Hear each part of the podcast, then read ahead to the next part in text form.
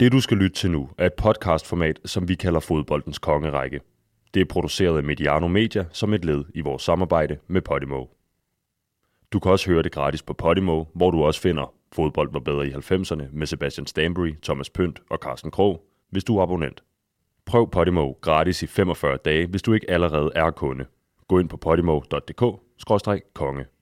Hos Podimo finder du også eksklusive udsendelser som Anders og Anders og Hav og Kamal. Rigtig god fornøjelse.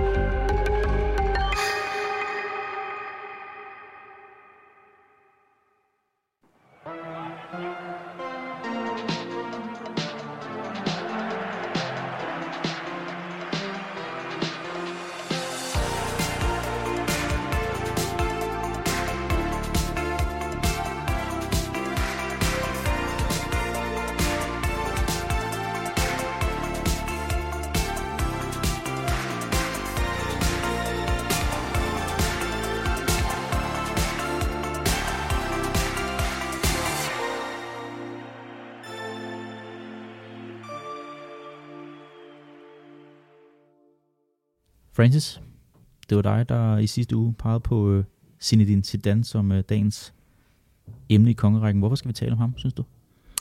Jamen, fordi jeg synes, han øh, indkapsler kongerækken, øh, personificerer den jo som, øh, som kongen. Øh, det, er, det er meget personligt, meget subjektivt, men øh, det, det er en spiller, som, øh, som fik mig til at, og se spillet på flere forskellige måder, altså med, med nuancer simpelthen. Øhm, jeg har kendt til rigtig mange stjernespillere og dygtige spillere, men det der med at, at være effektiv og kombinere det med noget æstetik, øh, kombinere det med noget vindervilje, kombinere det med det lidt ufine også. Altså alle aspekter af fodboldspillet, synes jeg faktisk, han indkapsler. Øh, en kunstner på en fodboldbane, og øh, det, det, det, det, jeg, jeg, jeg siger ikke, at vi ikke kommer til at se det igen, men, men det vi så i hans, øh, i hans karriere, i hans lange karriere, det er, det er noget, der burde øh, hænge på Louvre. Noget, du har spillet mod ham? Nej. Jeg, øh, min tætteste, øh, min tætteste interaktion med ham, det var, at jeg var bolddreng i parken på et tidspunkt, øh, da Danmark spillede mod Frankrig. Ja. Øh, og jeg sidder på siden, og han skal tage et indkast, og min, mine forældre har faktisk taget et billede af skærmen jeg sidder og kigger ned på hans fodboldstøvler. Jeg var meget, meget fascineret af Zidane stod lige ved siden af mig. Jeg sidder og bare kigger ned på hans fodboldstøvler. Øh, det er det tætteste på, jeg, jeg er kommet på Zidane. Der er vi i 96 venskabskamp. Danmark vinder 1-0. Ja. Godt. PP var den store stjerne i den kamp. Ja, men jeg, jeg har noteret det ned som noget, vi skal tale om senere, nemlig. Men det kan vi komme til, Sebastian. Øh, har det været let for dig at udvælge et højdepunkt blandt Sisus mange genialiteter? Vi har jo det her punkt, hvor vi skal udvælge et højdepunkt i karrieren. Øh, nej, men det har været nemt på at udvælge to. okay.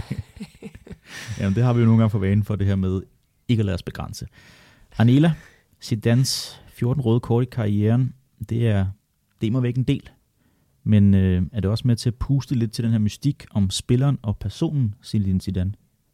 Ja, vi snakkede jo om Pavel Nedved øh, tidligere, hvad det sidste uge, og øh, der snakkede vi om, at han havde brug for øh, brug for den her, nærmest de her indre dæmoner for at blive den spiller, som, som han blev. Og det, det havde Zidane altså også. Uden det, så var han ikke blevet den, han var. Den, den, den kunstner og, og den vinder, som, som, som han blev.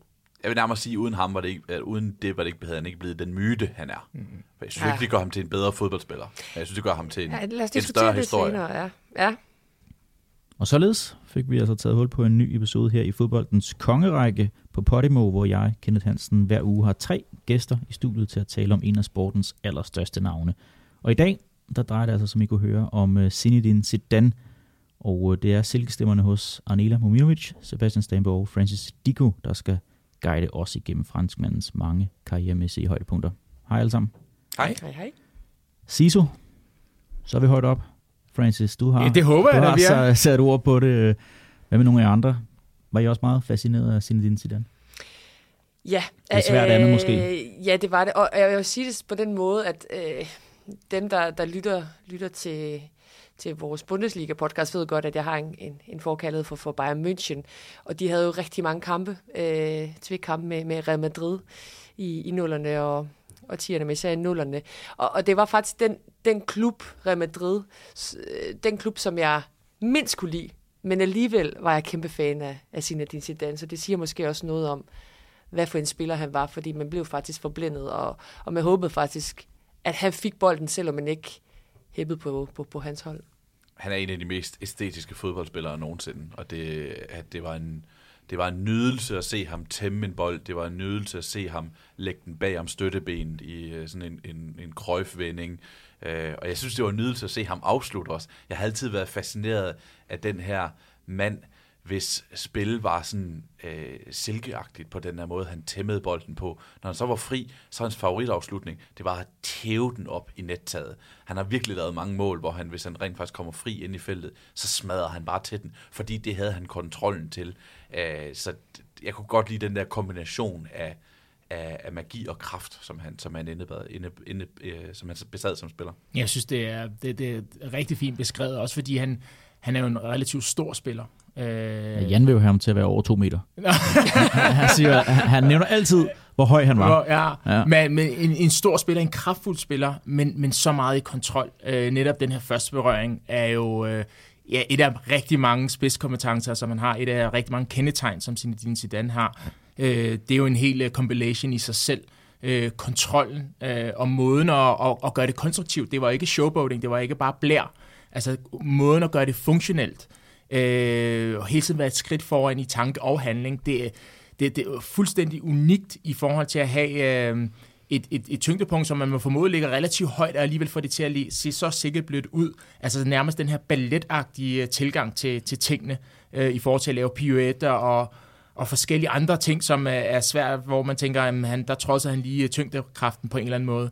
Øhm, så, så det er en spiller, som, øhm, som har gjort indtryk på rigtig mange måder, for det er jo ikke altid omkring målene, det er ikke altid omkring assiste, det er jo også bare spillet mellem felterne, som, øh, som var i øjenfaldende. Ja, du nævnte i den der Pavel Nedved-udsendelse, det der med, at fodbold er så meget mere ud over stats, og det synes jeg også, at Zinedine Zidane er lige præcis indbegrebet af det. Altså det er ikke, fordi hans stats bare øh, var, var, var skyhøje i forhold til mål og assist, men han var lige præcis fodbold. Mm. Altså det, det, man, man så fodbold på grund af Zinedine Zidane. Det gør vi jo også den dag i dag.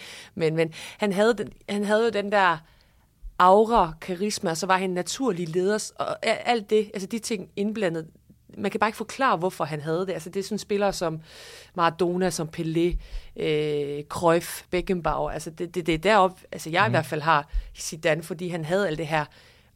Han var bare en leder også. Altså, sådan, han, han, han var funktionel, han var en balletdanser på en fodboldbane, men han var også en leder, der kunne løfte sit hold, især det franske landshold, som vi nok også kommer til at snakke om. Jamen det, det, ja, og jeg er fuldstændig enig her, men, men der, hvor, hvor hvis jeg siger det meget kort, så du kan lære en masse ting på Clairefontaine, øh, deres øh, sted, hvor de lærer det unge spillere akademi, men du kan ikke lære det, du lærer øh, på, på gaden. Altså han inkorporerer også det her gadefodbold. Øh, det her, som, som, som er selvlært. Øh, fordi måden at tæmme bolden på, måden at afslutte på i nogle af de der situationer, hvor man siger, at det skal være den brede inderside, eller sådan, som Sebastian lige var inde på, han fortolkede det på sin helt egen måde. Og det er jo fordi, du har... Øh, du både har talentet selvfølgelig, men, men også fordi du inkorporerer forskellige ting øh, så, og gør spillet til dit eget. Han var aldrig dikteret af, hvordan man skulle spille som fransk landsholdsspiller. Øh, altid dikteret af sit eget spil, øh, og lod altid fødderne tale, indtil han lod nogle andre kropsdele tale, øh, i forhold til den finale, som vi kommer til at tale om, er jeg ret sikker på. Men, men, men, men, men en fantastisk spiller, øh, og rigtig meget selvlært. Ja, fordi når Sebastian svarer to højdepunkter, så tænker jeg, at vi alle fire godt har en anelse om, med de to højdepunkter, det kan vi komme ind på om et øjeblik, men når vi skal snakke højdepunkter, så altså jeg, jeg har siddet og set det der, de der klip, hvor han nogle gange på udspark bare øh, står og vender på bolden, løfter sin fod, boldens højde, hvor høj, hvor høj er en bold, 30 cm eller sådan noget, og så bare lægger bolden død. Men, men... Altså, det er så vanvittigt svært. Altså, jeg har prøvet det måske tusind gange, det er aldrig nogensinde lykkes. Han kunne gøre det flere gange i en kamp undervejs. Eller lave en vending, men, altså, men det er helt vildt. Den, den, lægger bare, den lægger bare død. Det er som om bolden bare er, altså, stop billedet, læg en bold, køre videre. Er det på Helve, han laver den, hvor der ja, kommer en høj bagom. bold, og altså, han tæmmer den og laver en vending bag om støttebenet ja, på, en og, gang, på ja. en og samme tid? Ja. Altså det er en af dem, jeg sådan også husker, også fordi det var mod, mod Danmark, men det indkapsler, indkapsler også lige præcis det, du snakker om. Men det er sjovt, du siger det der, fordi jeg kan huske da jeg var i Hollands fodbold, blandt andet, jeg, en af mine gode kammerater var Michel Form, som, som var målmand på det tidspunkt, som senere under øh, faktisk Michael Laudrup blev øh, første målmand i Swansea og så videre til, til, til Tottenham. Han stod ned den anden ende, så bankede han bolden langt, og så stod vi en 3-4 spillere og prøvede netop at lave nogle af de der tæmninger. Altså vi snakker, vi er jo også professionelle fodboldspillere, mm. men, men Zidane var sådan ligesom, åh, skal vi prøve at se, om vi kan gøre det? Der var også nogen, der sagde, at Drogba kan det også, fordi han har en stor brystkasse, og han kunne også tæmme bolden og sådan noget. Men det var fordi Zidane havde gjort de der ting i på skærmen, så sad vi og stod vi og, og, og forsøgte at gøre de der ting. Altså enormt smitsom i forhold til den måde, man vi jo aldrig nogensinde kunne komme op på det niveau, men det var enormt smitsom at se sådan de, de ting, han kunne, og, og prøve at efterabe dem. Ja, for det var ikke at tæmme den med en inderside eller en vrist. Mm. Det var jo at lægge den under fodsålen, ja. så der ikke var noget rum mellem bolden og jorden. Helt vanvittigt. Der har jo eksisteret, tror jeg, man opgør sådan noget med... I, i, I alle tider har der levet 100 milliarder mennesker. Jeg tror, det er sådan noget 108-9 milliarder mennesker eller sådan noget. Der har ikke været 10 mennesker, som var bedre til at behandle en fodbold end Zinedine Zidane. Mm.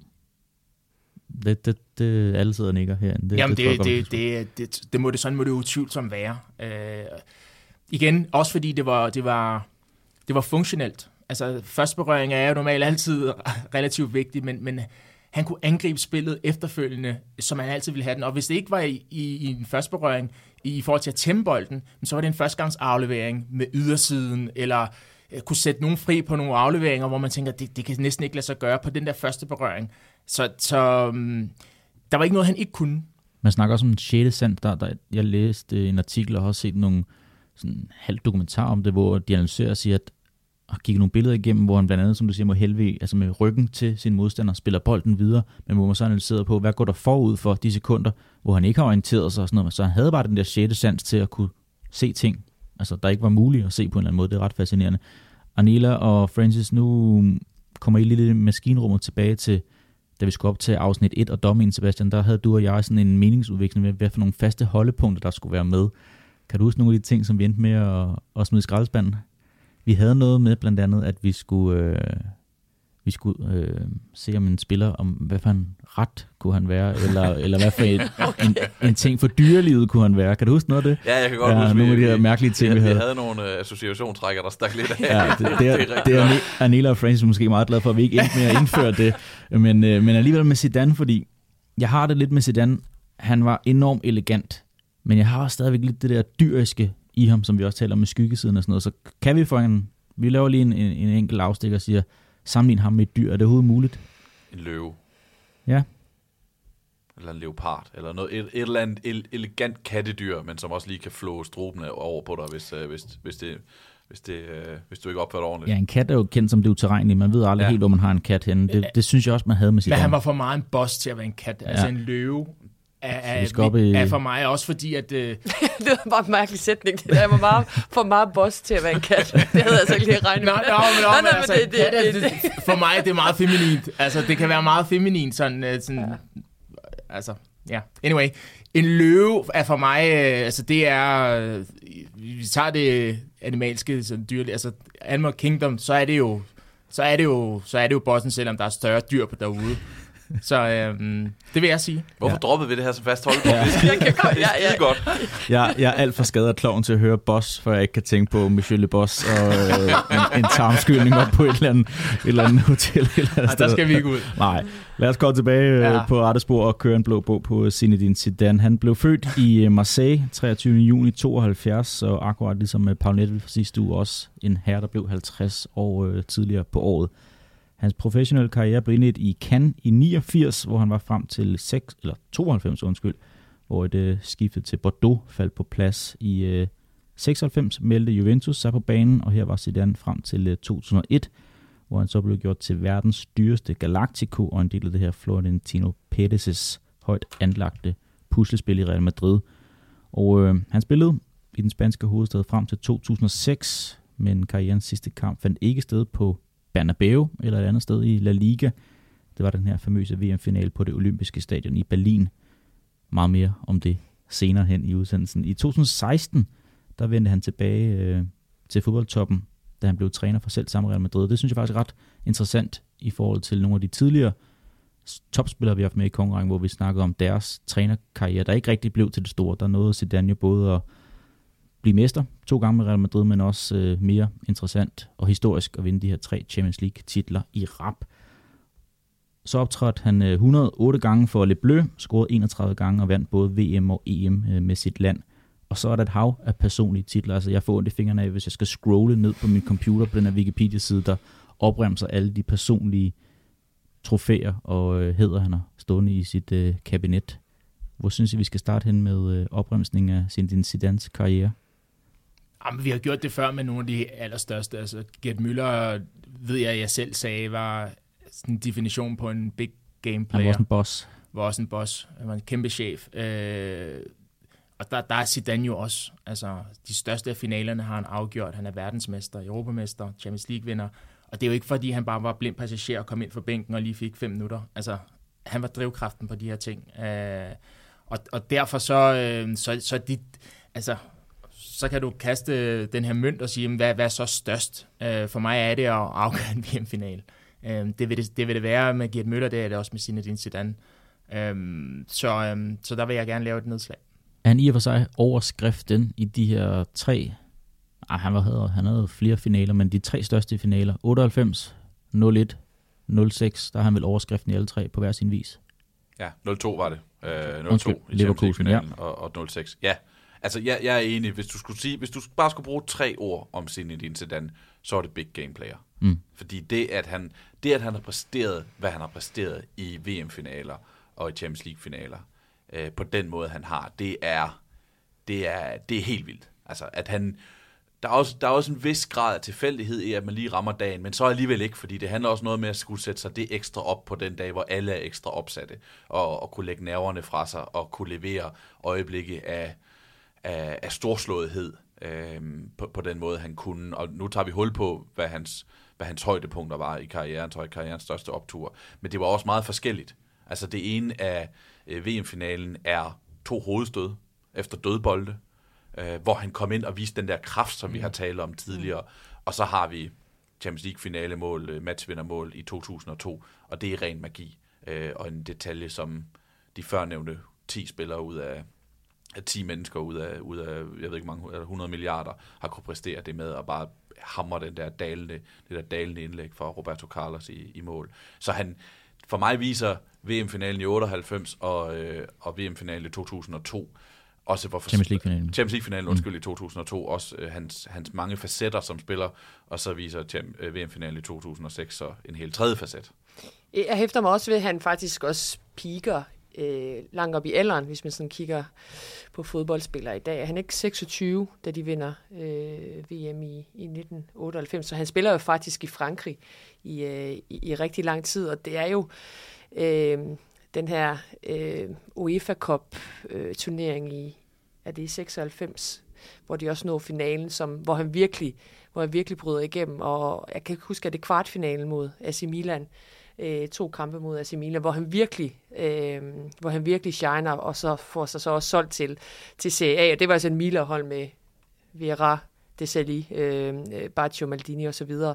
Øh, og der, der, der vinder de det her returopgør i, i Frankrig, hvor øh, Zidane blandt andet spiller med Jakob Friis Hansen. Han spiller i den her kamp ja. i midterforsvaret i, øh, i, øh, i, øh, ja, for, for, for Bordeaux. Øh, men, men, men det synes jeg også er sådan en ting, jeg hæftede mig ved, det er sådan research. Jeg blev lidt overrasket over, at han, han var så gammel, men, hvis man kan sige det på den måde. Men det er faktisk sjovt, for det er faktisk der, at jeg får øjnene op for ham. Det er faktisk den kampagne der. Han scorer jo i returopgøret mod Betis, scorer han det der mål fra midten, øh, hvor han viser sin øh, sit overblik, sin teknik øh, og sit mod, øh, hvor han øh, lader bolden hoppe en gang, og så banker han bare til den hen over en, en, en, en målmand, der er langt væk øh, fra målet. Øh, og de ender med, er det ikke Bayern, de taber til i, i den kampagne, mener det er? Eller det har vi lige fået bekræftet. Øhm, men det, jeg synes er lige så vigtigt, nu taler vi om alle de her nedslagpunkter, vi taler om det i sidste uge omkring Pavel Nedved. Han gjorde alle de ting, som ikke ender i statistikkerne. Sådan var Zidane også. Altså, mm. der var rigtig mange ting, som ikke ender i statistikkerne, men som påvirker spillet, sådan så du hele tiden føler, at du er, du er ovenpå. Når du har en spiller, som der kan diktere kampens og slagets gang, som han kunne, altså som vi ser det i anno 2022 i Modric, vi så det, da Christian Eriksen spillede mod Frankrig i parken, øh, nogle af de der store præstationer, som Paul Pogba har lavet til, til en øh, EM eller en VM-slutrunde, når du har den type spiller, som bare kan tage kampen i, i, i hånden, jeg, jeg sammenligner det nogle gange med udlandssport, som Brady i de store øjeblikke, så er det altså ham, du kigger efter, Michael Jordan, så er det ham, du kigger efter, LeBron James. Den evne havde Zidane. Altså det der med at sige, okay, vi vakler lidt, vi er lidt ude i tårne, giv den til mig, jeg skal nok sørge for, at vi kører efter den her takstok. Det er en uh, unik evne, som han, uh, han havde på de største scener. Altså jeg køber 100% den der præmis med big game player, men, men siger vi så også samtidig, at han nogle gange tog et fripas i en kamp mod Almeria eller Villarreal i La Liga for Real Madrid, eller mod uh, Bari i CA? Ja. Øh, og hvis, øh, nu, nu lytterne har forhåbentlig forstået, at jeg synes, at Zidane var fantastisk. øhm, jeg synes, han var verdens bedste spiller. Jeg synes måske bare ikke, han viste det nok altid, uge efter uge efter uge. Det, det var hans, øh, det, det er hans lavpunkt, det er, at han faktisk ikke har vundet nok. Altså hvis vi snakker titler. Det synes jeg ikke, han har, når man tænker på, hvor han, hvor han har spillet henne. Og at han ikke tog en sæson og dominerede den som sådan. Sådan husker jeg ham ikke som spiller. Verdens bedste spiller, måske nogensinde i de allerstørste kampe, men kunne godt fade lidt ud. Øh, og uden det nødvendigvis er et bevis, så kigger jeg lidt på Ballon d'Or-listerne. Altså i 98, hvor de vinder VM, vinder han Ballon d'Or. Fortjent vinder. 1999, det bliver en del nummer 19. Fordi han faktisk følger, øh, øh, følger den der VM-finale op med at gå tilbage og spille en ret dårlig sæson for Juventus. Og det har han selv sagt også. Øh, hvor de bliver nummer syv, og hvor det faktisk er ham, der skal tage ansvaret, fordi mm. Del Piero er skadet i den her sæson. Og det, det kunne han ikke tage. Der er også mange sæsoner i Real Madrid, som ikke var op til standard i Real Madrid sammenlagt. Der vinder han et mesterskab, en Champions League-titel, to spanske Supercups, en europæisk Supercup og VM for klubhold på fem år. Men jeg vil altså, gerne lige anfægte den der, fordi jeg synes jo lige præcis i Real Madrid-tiden, der var problemet ikke Zidane, men det var den her Galactico-policy. For jeg synes jo, han var, han leverede øh, på højt niveau. Det var det der koncept i Real Madrid, der ikke fungerede. Altså det her Zidanes og Pavones, øh, i Pavones hedder det vel på, på, på spansk. Altså jeg synes jo, at, at det kan godt være, at han ikke lige leverede mod Almeria en, en søndag, men, men generelt, men når du så på de her verdensstjerner, jamen så var, det, så var det ham, der prøvede at løfte holdet med, med, med sit spil, men de røg jo altid ud, fordi det ikke fungerede som hold, fordi det, det var simpelthen så uharmonisk. Jeg synes, de sidste par sæsoner i Real Madrid, der dalede det kraftigt. Altså der synes jeg ikke, øh, heller ikke for Zidane selv. Altså, altså 05-06, der har han alligevel altså, den næst, næst flest med, i forhold til mål og sidst efter, efter Ronaldo. Ikke? Altså, jeg synes stadigvæk, han, Jamen, jeg, han holder jeg, niveau. Jeg, jeg synes, han burde være bedre. Ja. Det synes jeg, han burde være, fordi ja. han, han han, han, han er en af de bedste nogensinde til at spille fodbold. Og det synes jeg ikke helt, at han sådan sæson efter sæson øh, beviste. Øh, og, og så følger han jo op med at spille fuldstændig fantastisk VM, indtil det stoppede. Ja, jeg, jeg er jo enig med begge to. Det er det, der er det sjove. Man kan sidde imellem og, faktisk, og, og, og, faktisk være... Jamen, jeg, jeg er jo fuldstændig enig i præmissen om, at der var rigtig mange kampe. Altså, den dokumentar, uh, 21st Century...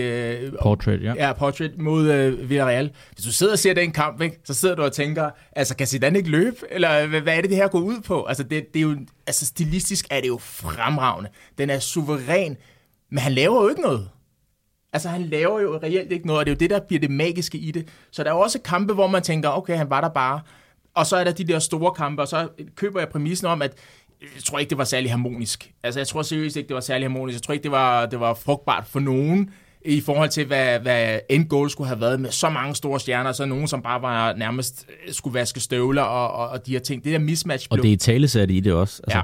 At det var nemlig ja, præcis. stjernerne og, ja, og dem, der var... Og dem, der fløj til at skue støvlerne. Lige ja. nøjagtigt. Så, så, så, så jeg køber begge præmisser, men, men, men det er jo også det, der gør for mig at tage udgangspunkt i den der kamp mod Villarreal, som så er blevet til en dokumentar. Altså, der er noget magisk over det alligevel, og det er måske, fordi jeg er totalt biased, og jeg er fuldstændig forelsket, men, men alle hans bevægelser, de der små ting, han siger til spillerne, man kan, man kan gå og se, hvordan han dirigerer, det er jo det, fodbold er. Altså det, de der hele tiden at, at, at være lederen og at sørge for, at der, at der er et hold, der fungerer. Så det kan godt være, at det ikke fungerer på dagen, men du har stadig en rolle, du skal påtage dig. Øh, og det så meget, meget naturligt ud, og meget, meget sådan, det gad jeg, undskyld mit sprog, fandme godt at være en del af. Man, de, man kan gå og se, fik du lige sagt. der var den igen. de kritikpunkter, jeg har imod ham, det, negligerer, det er heller ikke bestemt for at negligere, hvor fantastisk han netop bare var at se spille og hvor fantastisk det er at se og gå på YouTube øh, og se, hvad han kunne med en bold, fordi det har også en værdi, og det negligerer bestemt ikke, hvad han kunne på det aller, aller største sten i de aller, aller største kampe, hvor han har afgjort kampe nærmest en mand, de største kampe i verden. Jeg synes bare, det skal nævnes, at jeg kan ikke pege på den sæson, hvor Zidane var den bedste spiller øh, over en hel sæson. Der var, der var, der var andre, der, der greb øh, takstokken højere grad, end han gjorde, sådan, og, og drev sit hold og vandt titler. Men, men, øh, men det forhindrer ikke i, at han var, at han var, helt, han var helt sublim. Så lad lige mig prøve at gribe den herfra, fordi det Francis siger den her dokumentar, det er altså det her så 17 synkroniserede kamera, der øh, følger Zidane under en ligekamp mod Villarreal. Øh, den har nogle ord på banen, men øh, den er ret interessant og ret fascinerende at følge. Og så dermed, vi talte om sidste uge med Pavel Net med hans flid og alt det her. Formår Zidane på en eller anden måde ikke helt at leve op til sin historie med de her algeriske rødder og sådan noget, at komme nedefra og arbejde sig op gennem Cannes og Bordeaux og sådan noget, så som vi nogle gange snakker om i kampene, det sagde han måske ikke så meget at spille de her øh, lidt ubetydelige kampe. Det var først var på den store scene, han ville shine. Og man har også selv købt sig til, at han kan tillade sig at slappe lidt af, hvis du forstår, hvad jeg mener. Bare fordi han har en, en indvandrerbaggrund, så skal han ikke kæmpe hårdt. Han, han har også ligesom bygget sin karriere så meget op, og arbejdet så hårdt for den også, at han også godt kunne tillade sig at, at gøre som han, at gå sin egen vej, som han gjorde som en, en, en løve på savannen, eller en tiger i junglen, ikke? At, øh, også at være en individualist. Det har, den, den ret har han en købt kat sig i selv. en kat på krassebænken. den ret har han købt sig selv ved at være så god, som han var. At, at, han, at han godt kunne tillade sig at spille spil på sin egen måde. Og det sagde han jo også efter. Grund til, at han fik jo den der downperiode, det var, at han følte den faktisk lidt for meget efter 98. Da han siger, han siger til sig selv, at jeg er verdens bedste, efter at have afgjort den finale, øh, og i øvrigt er på, på toppen af sin karriere, får Ballon d'Or. Der, der, der, der siger han det måske en gang for meget, at han, han ligesom han ikke tager det lige så, ikke tager det seriøst, det lyder så dumt, fordi øh, det, det er Zidane, vi taler om, men, men måske ikke er, har den samme øh, hunger lige efter, om ikke andet. Den sæson, som, som han spiller efterfølgende, er jo ikke særlig god, øh, og på, på holdmæssig plan er det heller ikke særlig godt. Og det kan jo godt være, at, øh, som er en del af mange problemer, at blive en lille smule selvtilfreds, når det går godt. Øh, og der er han jo ikke umenneskelig, øh, men det er også fordi, at han havde evnen til at, at præstere, når det var, at man så måske siger, okay, Almaria ude, det, det er måske ikke lige her, jeg, jeg skal vise mit, øh, min masterclass. Jeg bliver lige nødt til at indfægte noget igen, som Sebastian sagde. Undskyld, Sebastian. Men det her med, øh, du ikke kunne nævne en sæson, hvor han var verdens bedste, altså hvor han virkelig piker, det synes jeg godt, man kan. At det, det synes jeg godt, man kan sige i 2000, hvor de vinder EM. Altså der, der er han jo klart den bedste spiller til EM. Han spiller en øh, forrygende sæson for, for Juventus. Han står for presset efter 1998, hvor han øh, har den her nedtur 99, og så forventer alle jo, nu, nu bliver det jo nødt til at komme op igen. Nu skal du jo føre Frankrig til en ny titel. Det gør han. Han vinder bare ikke Ballon d'Or, det gør Luis Figo, og, og det, det er blevet spekuleret på, hvorfor. Øh, og der er jo nogen, der mener, at det er fordi, han får et rødt kort i Champions League mod Juventus, hvor han vist også, øh, hvor han vist også smadrer en med, med, med, med hovedet. Så det her med de her indre dæmoner, som vi nok også kommer til at snakke om, det, det gør jo også, at han ikke vinder de største priser individuelt. Øh, og så kommer vi tilbage til det der med, at du siger, at det, det var nok mere en hemsko, end det var en motivation for ham med de her indre dæmoner. Men jeg synes faktisk godt, man kan tage den her sæson, hvor... Åh, oh, undskyld, nu var jeg lige ved at smadre mikrofonen her. Men det her med, at han, ligesom lidt med Pavel Nedved, hvor han har en øh, nedtursperiode, men så alligevel løfter sig. Og i min verden var verdens bedste i, øh, i 2000. Det var jo et Nedveds Lazio, der vandt mesterskabet i Serie A i den sæson foran Juventus, og de vandt heller ikke Champions League, øh, hans hold. Så, så på den måde, så, så, øh, så kan det stadigvæk anfægtes, at han var den bedste, fordi Figo var helt fantastisk den sæson. Jeg synes, det var fortjent Ballon d'Or. Men, men faktisk den sæson, du taler om, Anela, det er jo også den, han mener, hvor han er allerbedst. Både med Frankrig, han siger, at det der franske hold er unplayable. Altså, det, de, de er simpelthen bedre end i 98. Det, det er det bedste franske hold. Og, alle, og grunden til, at han siger det, det er, jeg har selv haft den fornemmelse faktisk på et andet plan, men, men alle modstanderne havde så meget respekt, at de ikke angreb dem på samme måde. Og når jeg siger, at jeg har haft den fornemmelse, det er, når jeg, jeg på et tidspunkt der spillede en landskamp med, med Essien, hvor han måske er den bedste defensive midtbanespiller, der er nærmest på kloden. Og jeg kunne se den måde, folk angreb ham på, og alle andre på banen var vidt forskellige på grund af respekten. Tog ikke tage nærkampene, lod ham spille boldene, og lade ham spille sit spil, og så prøver man at skærme alle de andre. Det der at se frygten i øjnene på andre, eller respekten, om du vil, øh, det er en ægte ting, øh, også på det plan der. Og det er også derfor, at, øh, at øh, jeg synes, det er interessant, at du griber, øh, river, griber fat i den sæson, fordi det er også noget, han selv har sagt, at der kunne de gå på vandet, og han kunne også også efter den der lille down-periode, han havde haft, efter, efter nærmest havde kunne gå på skyerne, eller hvad man siger efter VM. Jamen også det der med, at han, han, han, han ligesom tog ansvaret på sig, og var den her leder, og, og kunne øh, altså, øh, hvad skal man sige, score de afgørende mål. Det gør han jo mod, mod Spanien i, i kvartfinalen med det her fantastiske frispark. Øh, I semifinalen møder de her, de her portugisiske hold, og det er jo en af de fedeste kampe, jeg nogensinde har set. Mm. Altså, du har det portugisiske hold, som er måske det allerbedste på det tidspunkt i, i deres historie siden Sobio-dagen. Ikke? Altså det, det var så vanvittig en kamp på, på intensitet og kvalitet, og så er det jo så øh, Zidane, der igen afgør det med, med det her det golden goal øh, på det tidspunkt, der kommer i finalen, og så vinder de så. Øh, jeg synes, altså, det er det der med, når der, der er de her slutrunder, og der er så meget pres på et hold som Frankrig, som lige har vundet VM, og så meget pres på en spiller som Zinedine Zidane. Det, der synes jeg bare, at han løfter sig så meget. Og det kan godt være, at han ikke vandt uh, CA og, og CL, men, men det her, det, det gjorde i hvert fald noget for mig i forhold til, hvornår han peakede. Jeg sad, nu, nu går jeg tilbage til Rosam, bare, bare roligt. Uh, jeg går tilbage til, uh, jeg sad og så afslutningen på den her semifinal mod Portugal, hvor det er jo, at uh, Portugal, Abel Savia laver det her straffes, straffespark, er rasende, portugiserne er rasende over, der er hånd på, der er hånd på, der er straffespark. Og der går tre minutter, før Zidane han får lov at sparke det her. Der går mere end tre minutter, før det her spark rent faktisk bliver sparket, fordi portugiserne skal rase ud og får nogle røde kort og sådan noget. Eller og der var ikke noget var. Figo smider trøjen op og render løbende rundt og er sådan helt, helt sådan. Og det er sådan usikker, om han overhovedet blevet udvist, i hvert fald, som, som det lige er på det tidspunkt der. Øh, og så Zidane, som også ser sådan lidt vred ud på et tidspunkt, at det er ikke bare sådan, at han bare står med hænderne i siden, som jeg faktisk huskede det. Han er også sådan ophidset over det på et tidspunkt. Men altså endelig får lov at sparke, så hakker han bare op i nettaget. Ja. Så er det igen den der afslutning, jeg snakkede om. Bare spark hårdt og sparke, spark den ind, og så Frankrig i finalen, som de ender med at vinde. Ikke? Øh, der var han kølig, og der havde han igen det der, den der kølighed i de største øjeblikke der lod han sig ikke, øh, i lige den situation lod han sig ikke ophisse, der, der ventede han bare på, at han kunne afgøre semifinalen, der, og så gjorde han det. Der var også, i, du nævnte lige kampen mod Spanien, der er det jo over for Guardiola, hvor han bare giver ham en runaround. Altså, det, hvis I ser den kamp igen, ikke? nu snakker vi om Portugal-kampen, hvis I ser den kamp igen, ikke? Også fordi, særligt er den interessant, fordi de begge to er blevet toptrænere siden. Øh, der, der, der ser man bare tydelig forskel. Altså, Guardiola var også en fin spiller. Men, men, men den kamp, ikke? Det, det, det, det er rigtig, rigtig vildt. Og det er der, hvor jeg tænker Zidane ind i storhed. Hver gang der har været en direkte duel over for nogen, som vi synes var, også var gode, så var der bare klasseforskel. Den eneste gang, hvor han blev rigtig udfordret, det var Ronaldinho øh, med, med det stærke Barcelona-hold, øh, da han spillede Real Madrid øh, øh, på Bernabeu. Der var nogle gange, hvor man tænkte, okay, Zidane er faktisk ikke den bedste spiller på banen. Øh, det, det, det, det kan godt være, at det er Ronaldinho. Guardiola er jo netop en af de, dem, der har rost ham rigtig meget som spiller, ja. øh, og sagt det her med, at når man et, et, et hold med Zidane på banen er ikke i ubalance, fordi han altid sørger for at skabe den, den rette struktur på, på banen.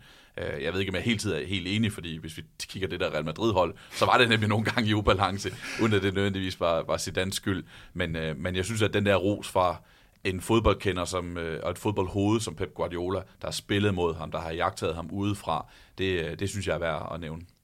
Og så Alex Ferguson, der sagde, giv mig Zidane og 10 stykker 3, så skal jeg vinde ja, Champions League også. Mm. og det er også en, en ret stor gestus og nogle pæne ord på vejen.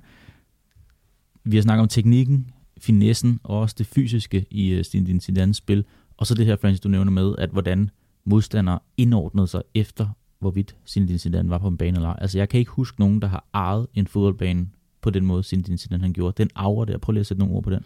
Jamen, det, det, det er svært, fordi det er jo lige præcis det, jeg taler om, at det, det er ikke noget, du, du kan lære. Altså, det er ikke noget, du lærer på et, på et fodboldakademi, øh, og, og have den... Øh, den kontrol og kunne, kunne læse spillet. Øh, det er de største, der har det. det er en, jeg tror, det, er en, det må være en gave opfra. Øh, Men havde han den også fra start af, eller var det efter den her VM-triumf i 98, eller hvornår oh, tændte det? Ja, men det har du ret i. Det er et godt spørgsmål, fordi noget af det er jo, fordi du har været med til at stå på den store skamme, eller på den højeste skamme mm. længe. Men, men det er jo også noget, måden, du spiller spillet på.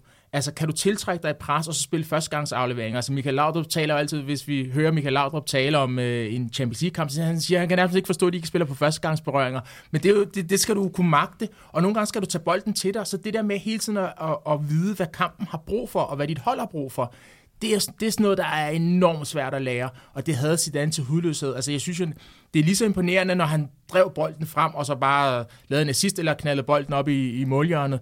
Men det der med at sådan lige kunne lægge den af til siden, altså to meter afleveringer, som, som blev magiske alligevel, fordi det åbner et helt rum op. Altså, den fornemmelse, det er, øhm, det er som fodboldspiller, det, det, det skal du se som en gave, hvis ikke, øh, hvis ikke, øhm, ja, hvis ikke du har det. Vi dribler videre til højde- og lavpunkterne om et kort øjeblik. Men lige det sidste spørgsmål her. Hvor, hvor vi sætter år på hans sådan prime, nu vi snakker om, var han Var det den sæson, der var hans bedste? Var det den sæson, der var hans bedste? Sådan, vi skal indkapsle, hvor mange år var ligesom hans prime? Jeg synes, det er omkring årtusindskiftet. Øh, de sidste år i Juventus, de første år i Real Madrid, mm. og årene, hvor han også for alvor dominerer med det franske landshold. Der, hvor Frankrig var indiskutabelt det bedste hold i verden, 98-2000, hvor de, øh, hvor de, hvor de ikke hvor de er urørlige. Ikke? Og så ved jeg godt, det også indebærer den der 98-99 sæson, som vi har snakket om, hvor, hvor hans Juventus-hold kun bliver nummer syv. Men jeg synes, det var de år, hvor han sådan var, var indiskutabel øh, bedst. Men, men det er sjovt, fordi du, du har også lige rørt lidt ved det. Han, han, han, vi, vi taler om sådan, hans øh, hvad hedder sådan noget, nedtur på et tidspunkt, men, men 2006, i den VM, øh, hvor han laver sit retur til, til landsholdet efter at have stoppet, der har han også en masterclass mod Brasilien, hvor, vi, hvor, hvor der, er ikke, der er rigtig meget, der ikke ryger op i statistikken, hvor man bare sidder... Altså, hvis man ikke har set det, så gense det, fordi der, der er de allerstørste, de er på banen samtidig, og der er kun én stjerne. Der er kun én stjerne. Øhm, men det er jo ikke en hel sæson, men jeg siger bare, også langt op, at han var 34 på det tidspunkt, også langt op i alderen, der gjorde han altså en forskel øh, med sit fodboldspil. Øh, og det er også derfor, jeg, jeg har svært ved at bare pinpointe et tidspunkt, hvor jeg synes, fordi hans peak der er mm. stadigvæk, hvor han er, altså, han er i top med hierarkiet. Han, fandt, han genfandt en ild under den der slutrunde, mm. som var helt vild, og var i nogle uger den bedste fodboldspiller i verden endnu en gang. Han, han, han havde jo egentlig kontrakt til Real, med Real Madrid til 2007, men beslutter sig for at stoppe, og mm. med egen ord, fordi han ikke synes, han er lige så god, som han var engang. Det er derfor, han stopper i 2006. Og jeg synes ikke, at hans sidste år i, øh, i Real Madrid var sådan noget at råbe hurra for, i forhold til, at vi taler om Zinedine Zidane. Men så kom der bare en ild under ham i den der slutrunde, hvor han i knockout-fasen og frem var, var urørlig og var indiskutabel den, den bedste spiller i turneringen i, i min bog. Altså det, det han, han, jeg synes, han var god. Brasilien-kampen var et højdepunkt. Jeg synes, han var god faktisk i alle kampen, han spillede. Han er vel faktisk bedre i 2006, end han var i 1998, hvor han vinder Ballon d'Or og bliver øh, matchvinder med de her to mål i finalen. Fordi når, når du tænker på de andre kampe i 1998, så var han jo ikke sådan mm. afgørende. Han var ikke den der spiller, som vi har snakket om nu i næsten en, en halv time. Altså for også et rødt kort, 98, øh, var det mod ja. Saudi-Arabien, mm. misser nogle kampe altså, han, han, han holder stadigvæk altså, øh, fast i det her hold, og han er jo bindeledet mellem defensiven og offensiven, og han er vigtig, men han er bare, altså, han har nogle udfald i det, i, i det, ved det VM 02, der har han jo skadet, de ryger ud i, i, i gruppespillet. Øh, så, så 2006 er jo, er jo hans, hans bedste VM-slutrunde, når man kigger tilbage på det. Der har vi bare historien om Zinedine Zidane. Altså, der skulle være nogle lavpunkter, for han kunne få nogle nye mm. højdepunkter igen. Altså de her indre dæmoner, dobbeltheden i hans spil, i hans personlighed. Og så var højdepunkterne så så enorme, at vi glemmer os ignorerer, at der også var udfald undervejs. Lad os hoppe til øh, karrierens højde og lavpunkter. Jeg spurgte Sebastian, om han kunne udvælge et, der sagde han to. Skal vi få øh, specificeret de to? Jamen, det kan jo egentlig gøres kort, det her, fordi vi, øh, der har været mange store kampe undervejs og sådan noget, men der var en VM-final, som han afgjorde med to mål, og så var der en Champions League-final, som han afgjort med en guddommelig flugter. Og så er der ikke mange, altså han har to af de kampe, som de fleste andre drømmespillere drømmer om bare at få en af. Og det gør slet ikke noget ved det, at det var mod et Bayer Leverkusen hold. Altså hvis vi skal have det helt deroppe og sige, at, at skulle det have været mod Ja, de var gode. De var gode. Nej, ja. du kunne ja. Ben Schneider og Carsten Ramelov. Og, ja.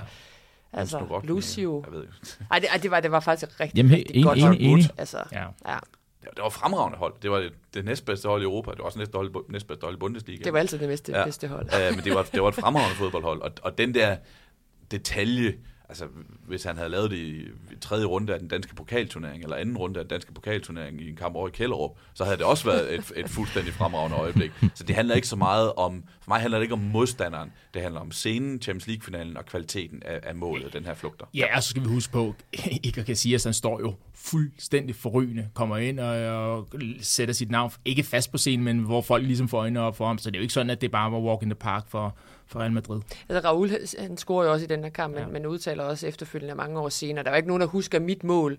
Øh, og, og, og, vi, og så siger han også, at, at da Zidane scorer det der mål, står vi jo også alle sammen og mober på samme måde som alle andre, der så den her kamp. Fordi det, det, det var så magisk og, og specielt et øjeblik. Og hvem, hvem siger du?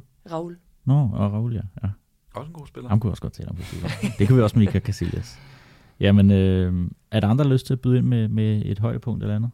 Ja, lad os, så lad os lige også tage VM-finalen i 98, ikke? og den betydning.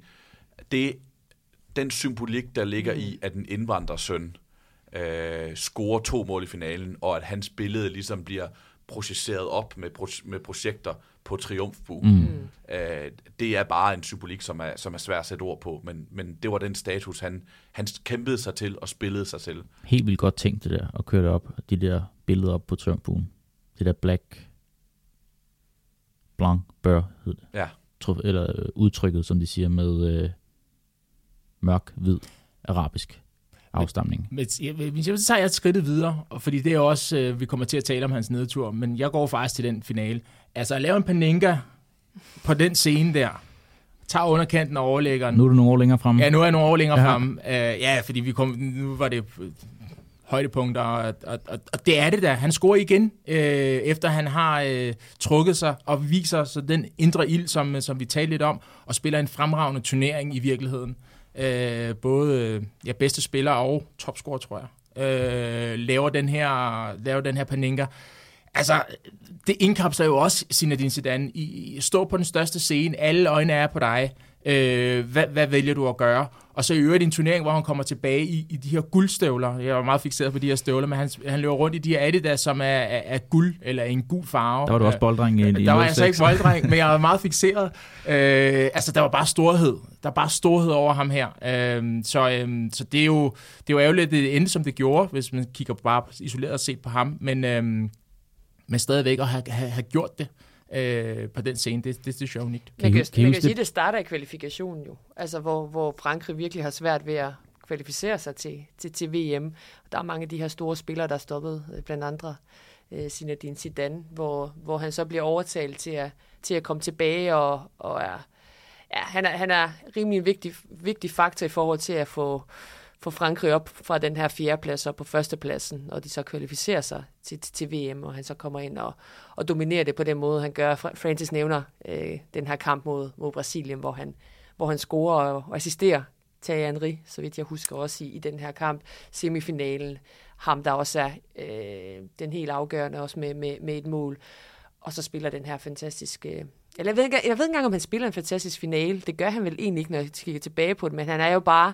Øh, han er jo bare afgørende, og han har den her koldblodighed, som vi snakker om. Men jeg har jo den her finale som, som både et højdepunkt og et lavpunkt. Altså, det, Ja. det, det, det, kan, Mm. det kan man næsten ikke have andet, fordi han, han viser præcis, hvor stor en spiller jeg var, men, men så viser han også de her indre dæmoner. Øh, og jeg, jeg, jeg bliver stadig sådan lidt på en eller anden måde harm over det, det, når jeg ser den her, den her situation med Materazzi, at jeg kan huske, da, da jeg ser den der i 06, og jeg, jeg tror bare, jeg, jeg siger nej, nej, nej, nej, nej, nej, nej, sådan 20 gange i træk, fordi vi alle sammen ønskede, at Zinedine Zidane, han skulle, han skulle ende på, på den største trone, hvis man så ikke var italiener. Altså det tror jeg seriøst, vi alle sammen sad og, og tænkte og håbede på, og så ender det på den her måde. Det Det, og blev det er ikoniske billede, hvor han bare går forbi vm Det er det vildeste ja. billede i guldstøvlerne. Går forbi det der trofæ, ja. han har løftet otte år tidligere. Uden at kigge på det. Ja, mm. uden at skænke det et blik overhovedet. Og så får han til med øh, prisen som turneringens bedste spiller. Ja. Efterfølgende, jeg kan huske, øh, en af vores paneldeltagere her, Morten Lindmer, han var på stadion og skulle afgive stemme, og det var jo forudbestemt med tre navne forud for finalen. Jeg tror, nogle af de andre navne var måske Buffon og Pirlo, der kunne komme op, og så skulle man stemme mellem de tre, og det blev så Zidane, der, altså har han, har han nogensinde skænket den pris en tanke, tror jeg, at han sad nede i omklædningsrummet og så Fabio Grosso lave det her sidste straffesparksmål, altså det har nok rørt ham absolut ingenting. Men det er jo det, der er så sjovt, fordi det er jo, det er jo den samme kamp, og det er også mit øh, lavpunkt i hans karriere, men omvendt, nu har jeg affundet, for jeg, jeg er jo på, på, på sin vis 100% enig med Arnela, men jeg har affundet mig med det. Jeg, jeg ved ikke, og det er måske blasfemi at sige for mange til fans, men jeg synes faktisk, det var den perfekte afsked, når jeg tænker over det nu. Når jeg tænker over det nu, så har jeg det sådan lidt, fordi det var jo ham. Jeg har det på helt samme måde. Jeg har fundet, jeg, jeg har det sådan lidt, jeg, jeg, jeg ved ikke, om det er den perfekte, det, det er et åndssvagt ord, men mm. jeg, jeg, jeg har bare affundet mig med, at det var sådan, det var. Det var sådan, han var som spiller. Altså det der røde kort, vi taler om mod Saudi-Arabien, hvor han er ikke han stempler ned, sådan meget, meget bisk, meget sådan, han havde det der jo.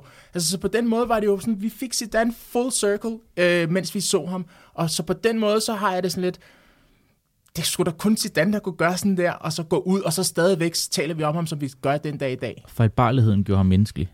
Ja, og det, jeg, jeg er smuk er et specielt ord at bruge, fordi det antyder også, at sådan, Altså, jeg synes jo, han sælger sit hold. Ja. Det gør han jo. Mm. Og jeg synes jo ikke, at det, Materazzi siger, som det kom frem, retfærdiggør, hvad- at han tyr til vold på den måde. Uanset hvad man så synes om, om, om styrken i, det der, i den der skalle der. Øh, men jeg er enig i, at det er, den det er det perfekte afslutning på en eller anden måde. Fordi det var narrativet om Zinedine Zidane. Det er øh, den her guddommelige magiker, som også havde djævlen inden i sig. Og det er jo så sigende for Zidane, at han er en af et fortal af spillere, der har scoret i to VM-finaler. Men han er samtidig en af kun to spillere, så vidt jeg kunne se, der er blevet udvist ved to gange ved to forskellige slutrunder. Mm. Den anden er Rigobert Song, som ikke var helt op på hans niveau. Jeg ved ikke, om vi når Han var til ham. god. Nå, Jeg ved ikke, så hvornår skal han vi nok i en sæson 11 eller 12, Øh, før vi når hen til ham, tænker jeg. Song blev udvist som 17-årig ja. ved VM. Det var i også, 90, ikke? øh, Jeg mener, det var i 90. Ja, øh, det synes jeg bare er forrygende. Nå, men, men ja, det at han både har den her statistik med de to, øh, to scoret to forskellige VM-finaler, og det at han har, øh, har fået øh, blevet udvist i to forskellige VM-slutrunder, det siger alt om Zidane. Ja, fordi han havde jo også den her, jeg tror, han har udtalt det tidligere selv, den der indre konflikt mellem at, at vokse op som, som indvandrer af algeriske forældre, og så vokse op i, i Frankrig. Marseilles gader. Øh, ja, altså det, det var altså et hårdt, hårdt kvarter, han, han, han voksede op i, og, og at de her indre dæmoner, øh, altså var jo også en indre konflikt i forhold til at finde ud af, hvem man egentlig var. Øh, og derfor han tog nogle ting så, så nært, især hvis man så snakkede om hans familie på den måde. Jeg tror da også, Marco Materazzi havde, havde læst op på sin Adin Zidane i forhold til de, var det 13 røde kort, han havde fået. For inden den her finale og har fundet ud af, at 90, 90 procent af den var jo på grund af provokationer fra, fra, øh, fra modspillere, øh, og, og især hvis man snakker om hans familie. Så, så der var jo noget, Ja, jeg ved ikke, hvad jeg skal kalde det, men, men, men øh, det, det er jo fordi, han tog nogle ting nær, der betød så meget for ham, og, og selvom han var en voksen mand på det tidspunkt, jamen så betød det jo så meget for ham, øh, den måde, han var, han var vokset op på i, i Frankrig. Men også fordi det var jo en debat, skal vi huske på. Øh, Le Pen, som øh, ville have kvoter på, hvor mange øh, mørke og udlandske, øh, med udlandsk ophav, der måtte, øh, der måtte spille på det franske land. Så det var en kæmpe debat. Det har det jo været også efter Zidane, med, hvor Benzema ikke sang med på, på lands, øh, hvad hedder sådan noget, på um, Nationalmelodien. nationalmelodien hedder mm. det. Øh, alle de her ting. Det burde man gøre med den, for den er godt nok smuk. Øh, ja, ja. Øh, men, Nummer et i men, kongerækken. Ja. men, og, og det er jo det der, ja, 18. Ah, Det synes jeg. Jeg har, jeg har jo først den tyske, Ja, jeg har men den øh, det er jo en... Øh, Generelt er det bare fedt. Altså, Ja. Italiens, Brasiliens, Tysklands, Den svenske. svenske. Nå, men, men, øh, men, men, men, men, men det er jo det, du tager med ind. Altså, de, du, kan jo ikke, du kan ikke parkere øh, dine din, din følelser. Du kan ikke parkere... Det, det skal du gøre i den situation. Jeg er enig, han sælger jo sit hold. Men, men men de Ja. tilgav ham jo dagen efter. ja, nærmest. Altså, det gjorde de jo. Ja. Altså, for, for det første, fordi han havde jo vundet et VM-trofæ for dem. Jeg, jeg tror også, der var noget i det. Hvis de ikke havde vundet VM inden, så tror jeg ikke, at, at de havde tilgivet ham, ham som nemt. Øh, jeg tror også, de, de ligesom anerkendt, at det var jo også ham, der førte den til, til, til VM-finalen. Og Men- de vidste også godt, at han havde de her indre dæmoner, så det var jo bare en del af pakken med Zinedine Zidane. Det her, det kunne godt ske øh, med ham på banen. Øh, så vil du vil sige noget? Nej, undskyld. Nej, det er fint. Men også fordi, at det der VM-trofæ på hjemmebane i 98, det blev bare symbolet på, at integrationen havde fungeret for Frankrig. De sagde også, at, at Zinedine Zidane med de to mål, der øh, forløste han noget, der har taget 30-40 år Ja. i, i Frankrig at gøre. Altså, så han havde bare noget i banken. Altså, så kunne det godt være, at han Ja. ja. mistede hovedet i den finale, men som du siger, det var, det var glemt dagen efter nærmest. Ja. Så, og så synes jeg, det, det trækker op i hans status som svin, at han ikke, at han ikke var en lusket spiller. Ja, altså, det. han var ikke sådan en, der rendte og lavede ting for, for at forsøge at undgå, at dommeren skulle se det. Da Zidane han kortsluttede, Ja. så gjorde han det altså med, med kamera direkte på sig. Ikke? Ja. Det var, fordi han blev provokeret i mange tilfælde, ikke? og fordi han ikke kunne styre sig. Han var ikke sådan en, der lige gik og sparkede øh, i, i akillescenerne og sådan noget, og håbede, at dommeren ikke så det. Han var fuldstændig ligeglad, om dommeren så det eller ej. Jamen, det var jo til. den her skal jo. Altså, det var jo nærmest altid den, han, han øh, fik de her røde kort, øh, røde kort for. Han fortrød, den, han fortrød det hver eneste gang. Altså, sådan, han, han vidste jo godt også i VM-finalen, altså der var ikke noget med brok eller noget, han vidste jo godt, at han gjort øh, et eller andet i, i affekt. Altså, jeg kan også huske den skalle, som øh, i, i Champions League i starten af, af nullerne mod Haas Favs, mm. øh, nu kan jeg ikke huske hans navn. Var det Marek Heinz? Som Nej. du var, det har du kunnet huske, hvis det var. Kids, Kids, kan det passe? Jeg kan ikke huske, hvem det var mod, men jeg kan Jo, godt ja. se, jeg kan se den for mig. Ja, hvor, hvor, hvor han også bare smadrer, altså smadrer hovedet ned i hans, øh, i hans brystkasse og, og bare får rødt, rødt med det samme. Man kan også bare se, øh, Real Madrid-spillerne, de står også bare sådan, ja, du? hvad, hvad, nej, nej, men altså, det, det, det var det, du fik med Zidane, og der var ikke grund til at, til at brokke sig. Øh, og, og, og franskmændene især, de, de, de tilgav ham. Så øh, ja, det, det er også en del af historien med Zinedine Zidane. Vi skal om kort tid have placeret ham på en eller anden plads i vores øh, rangsystem. Men inden der kunne jeg godt lige tænke mig at vende hans tid som træner, fordi vi talte om i Michael Laudrup afsnittet, til dels også vedrørende Thierry, hvordan den her trænerkarriere måske kunne ikke trække ned, fordi vi fokuserer jo primært på hans øh, bedrifter, eller spillernes bedrifter som spillere, men, men det var jo ganske godt, men alligevel også nu nemlig Pep Guardiola, hvordan han har sat øh, skik på fodbolden og gjort noget ved den måde, vi anskuer fodbolden på. Det er jo ikke i samme vending, at man omtaler Zinedine Zidane som træner som øh, revolutionær og, og, og tænke ud af boksen. Nej, og det, det er også fair nok, hvis du sætter den i den boks, men jeg synes, det er unfair, at vi ikke taler om ham på en højere klinge. Altså, han har det samme, han er den samme øh, klasse som øh, Carlo Ancelotti, for eksempel, som har været tidligere spiller, som ved, hvad et omklædningsrum har brug for, og kan tøjle egoer, og også fordi han har været så god selv, ligesom Ancelotti var det, øh, har den, den øjeblikkelige respekt, og så er det, hvordan du interagerer med dine spillere. Øh, han har ikke været manager eller træner for, for Lønbys anden hold. Øh, altså, vi, vi taler på den helt store hylde øh, med de aller, aller største spillere. Måske det sværeste sted at være træner. Øh, også taget betragtning af, hvad for en chef du har, øh, som også har en mening om tingene. Så må jeg bare sige, at øh, for mig, igen stadigvæk stor Zidane mand, øh, det, det kan kun tælle op. Øh, det er en fodboldmand, som, som har givet så meget til sporten, øh, og har gjort det på, på sin egen måde, og gjort det som en, en, en toptræner. Vi skal snart have ham tilbage igen, skal vi ikke det? Jo, jo det, det, det er jo mærkeligt, at det, det, det er blevet så, så fragmenteret, som det er hans trænerkarriere. Man har sådan en tendens til at, at tale i datid, men selvfølgelig kommer han, selvfølgelig kommer han tilbage. Jeg synes jo, det, øh, for lige at følge op på det, Francis han siger, og hans status, så da Cristiano han scorer på saksespark mod Juventus fra Real Madrid i Champions League i 2018, så siger øh, Zidane, øh, Cristianos mål er et af de bedste i historien, men midt i Glasgow var pænere, siger han så.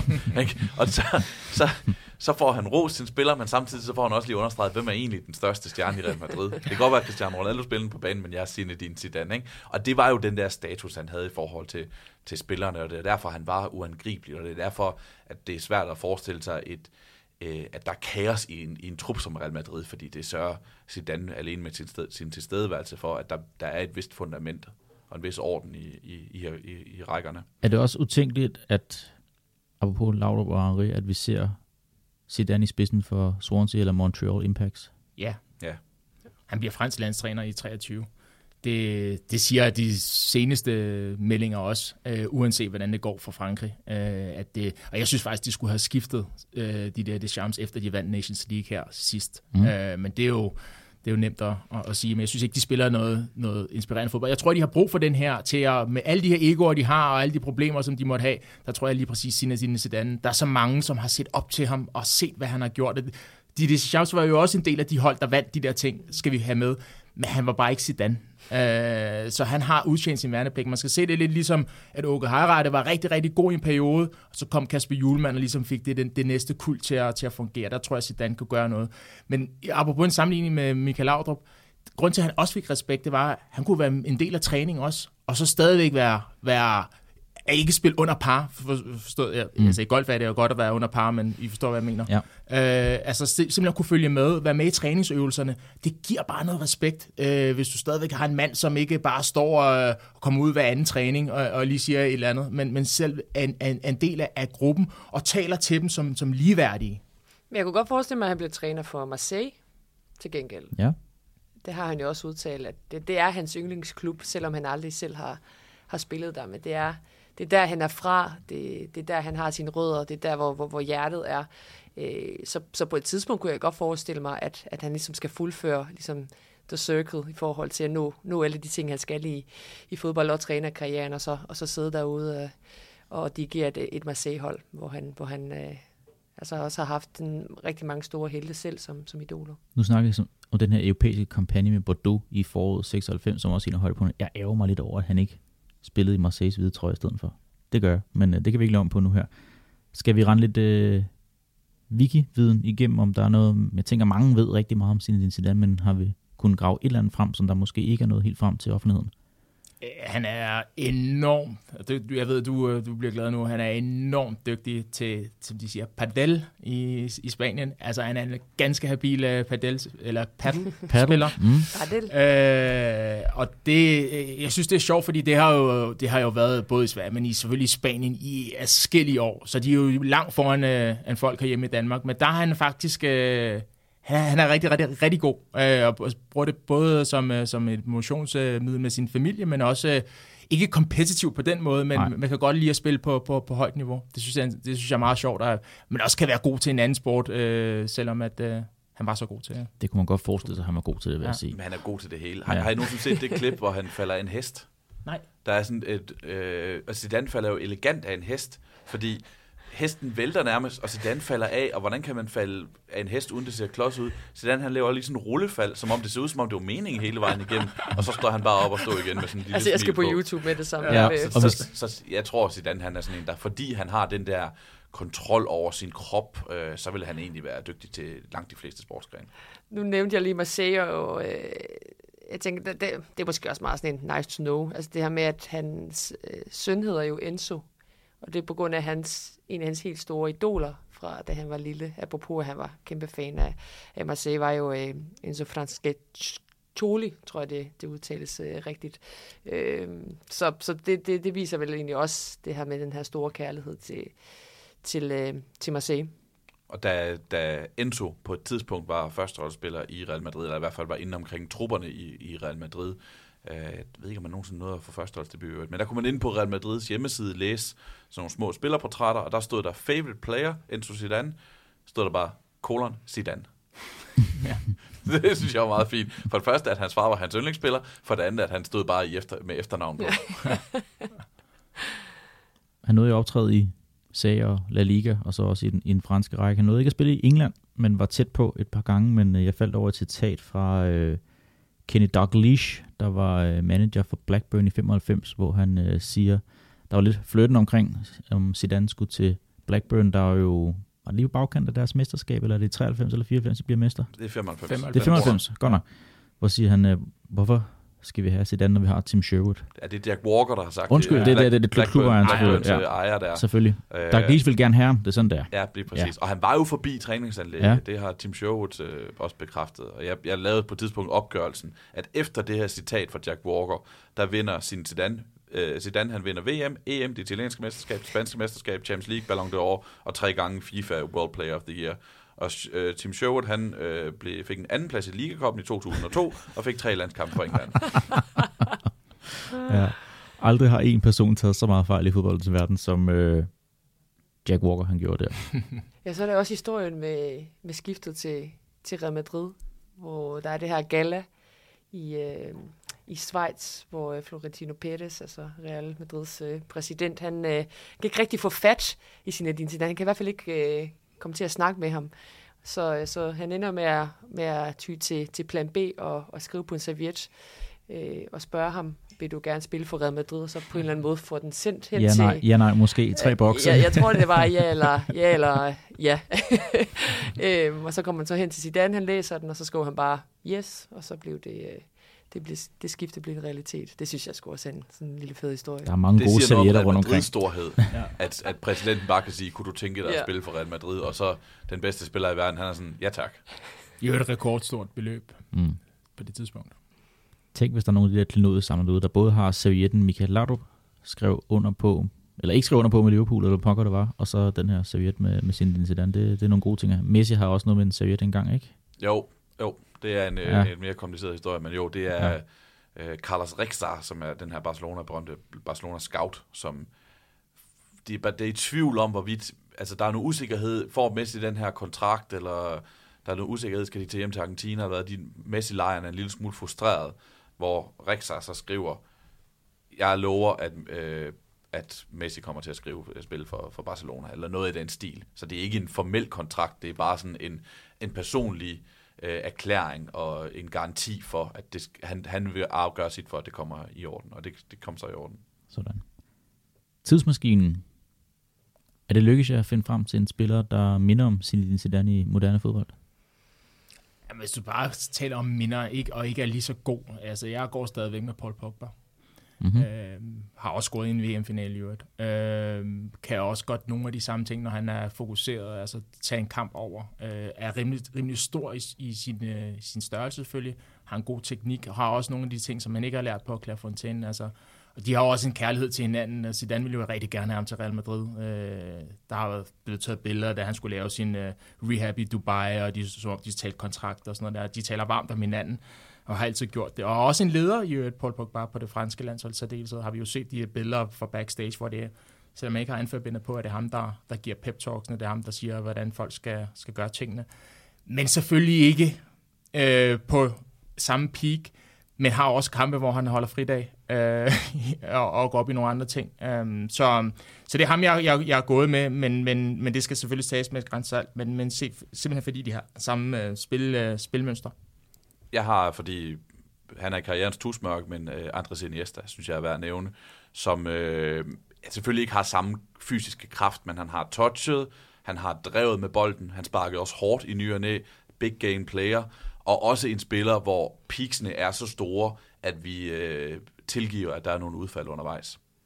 Godt. Man troede, det var Johan Gogyf, der, ja. skulle, der skulle være øh, den næste Zidane, og man kunne også godt se det på, på hans måde, han, han, han spillede på også. Øh, Ansigtet nærmest også. Ja, altså. ja, ja, præcis, og spillede i Bordeaux, og øh, var høj fysisk, men stadigvæk en, en teknisk begævelse. Jeg havde den her sæson også, hvor han var fantastisk, men kunne slet ikke leve op til det. Det, det, det er måske den sådan en til en, jeg sådan bedst kan, kan komme med, med, med det bedste eksempel. Han spiller så ikke øh, fodbold mere, har ikke gjort det i mange år, men, men der kan jeg huske den der hype omkring, øh, omkring ham. Han skulle måske have kigget sig i spejlet og fundet en barbermaskine og prøvet at tage håret tage og se, om det kunne bringe ham op til det sidste. Det gjorde Kylian Mbappé jo engang, mm. for lige at få den anekdote med. At han gik en gang ind til en frisør og sagde, jeg vil godt have samme frisør som Zidane. fordi han så op til den her den her franske legende, men vidste ikke, at øh, den der frisyr var altså ikke en, som Zidane selv havde valgt. Nej, ja, det var jo faktisk en fun fact, for det blev lidt ligesom øh, Ronaldos efter 2002, den der, det der lidt sjove cut, hvor han havde noget i front, øh, i panden nærmest. Mm. Der blev munken jo også kaldt, øh, den blev kaldt munken, den frisyr, fordi Zidane jo havde månen, og så havde hår på siden i, i 98 og, og tidligere selvfølgelig. Så, så han, på den måde var han jo også trendsetter. I den grad. Skal vi se, hvor han øh, finder plads på kaminhylden? Skal vi... I får ikke alle 12 navne, for jeg tænker ikke, vi har brug for... Og øh, vi begynder, behøver at begynde fra bunden af. Lad os starte fra toppen af, hvor vi har Gert Müller som nummer 1, Maldini som nummer 2, Thierry som nummer 3, Michael Laudrup som nummer 4, så ved jeg ikke, om vi skal bevæge os forfærdeligt meget længere ned. Så har vi et par brasilianere efterfølgende.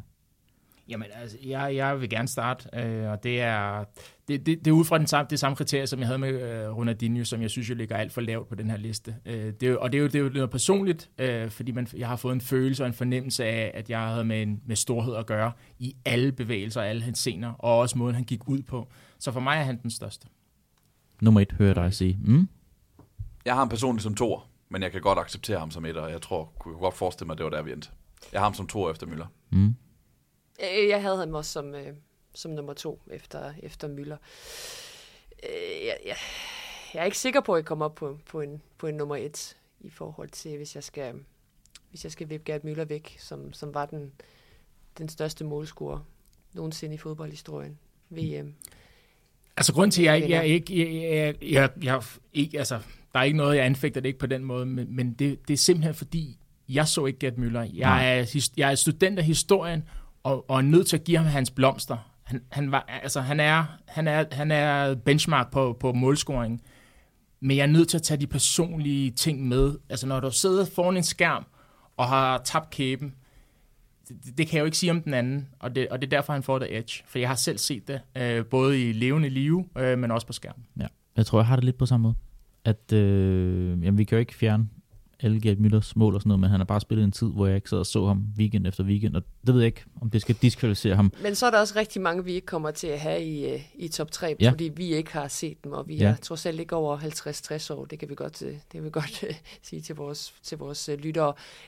Så det, det, det argument, jeg tror jeg også, jeg har det lidt svært med, fordi mm. jeg kan jo også godt følge Francis i det her. Jeg blev jo også bevæget af det. Jeg sad jo også og måbede, og jeg ville jo også vælge Zidane øh, foran Gert Müller, hvis det er det kriterie, jeg kiggede på, fordi jeg blev, jeg blev mere inspireret af det, jeg har set ham øh, uge efter uge, øh, og af gode grunde har jeg ikke set Gerd Müller, jeg har ikke set øh, Johan Cruyff, Beckenbauer, øh, heller ikke Maradona som Pelé. Nej. Altså, så, så hvis vi skal bruge det argument, bliver det i hvert fald svært i forhold til at, at få dem op i, øh, i, øh, i toppen.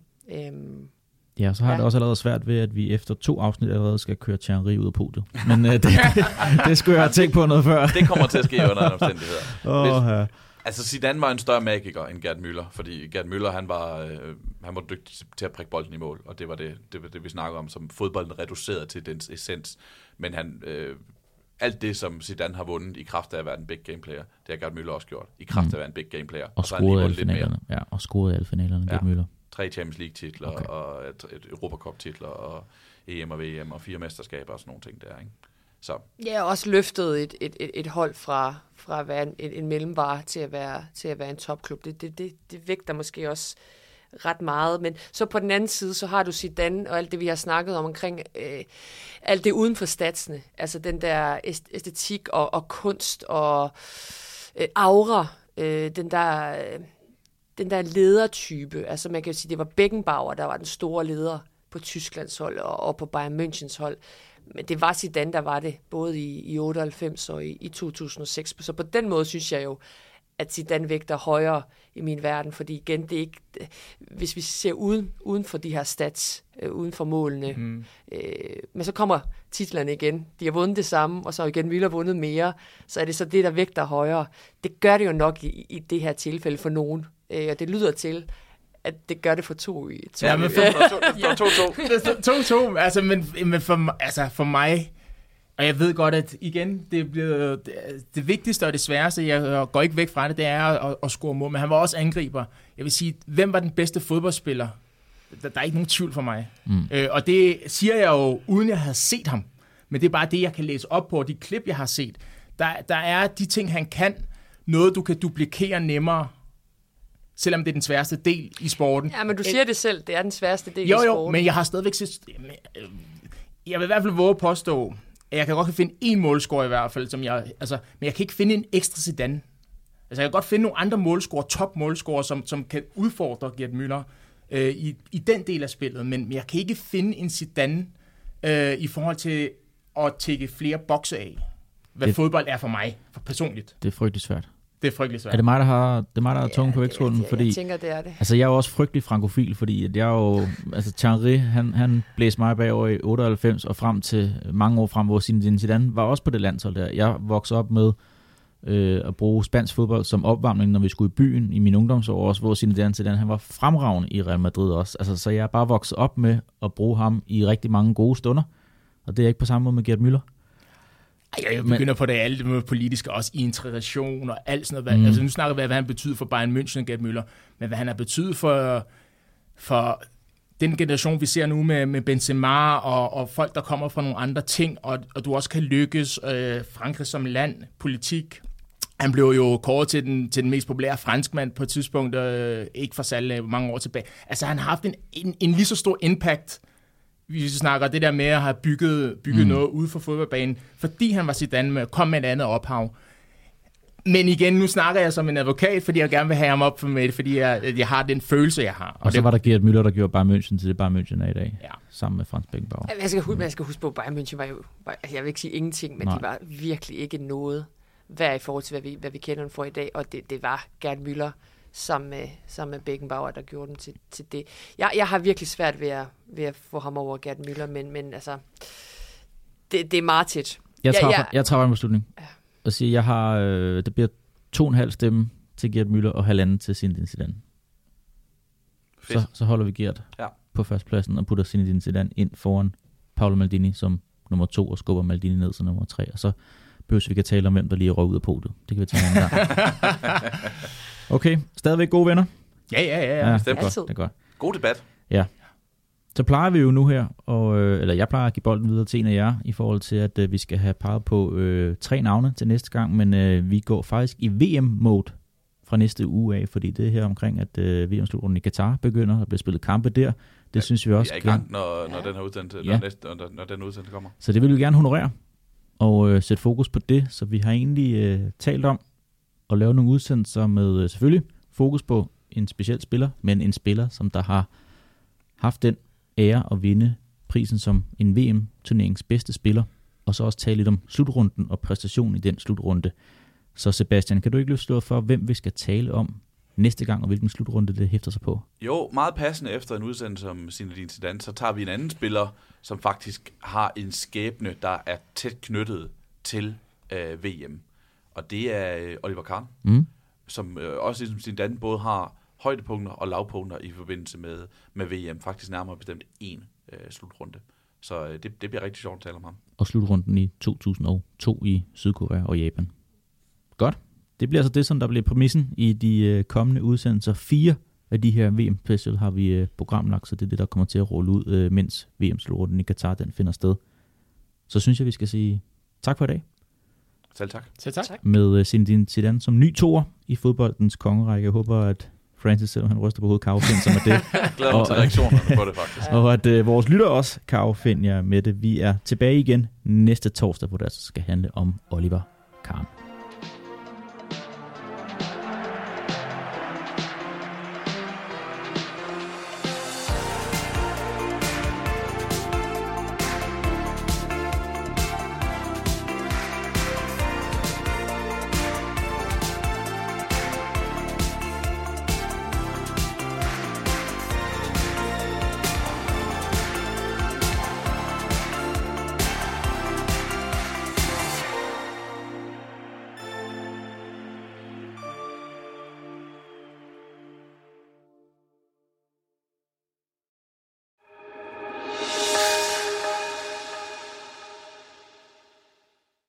Lyttet til Fodboldens Kongerække.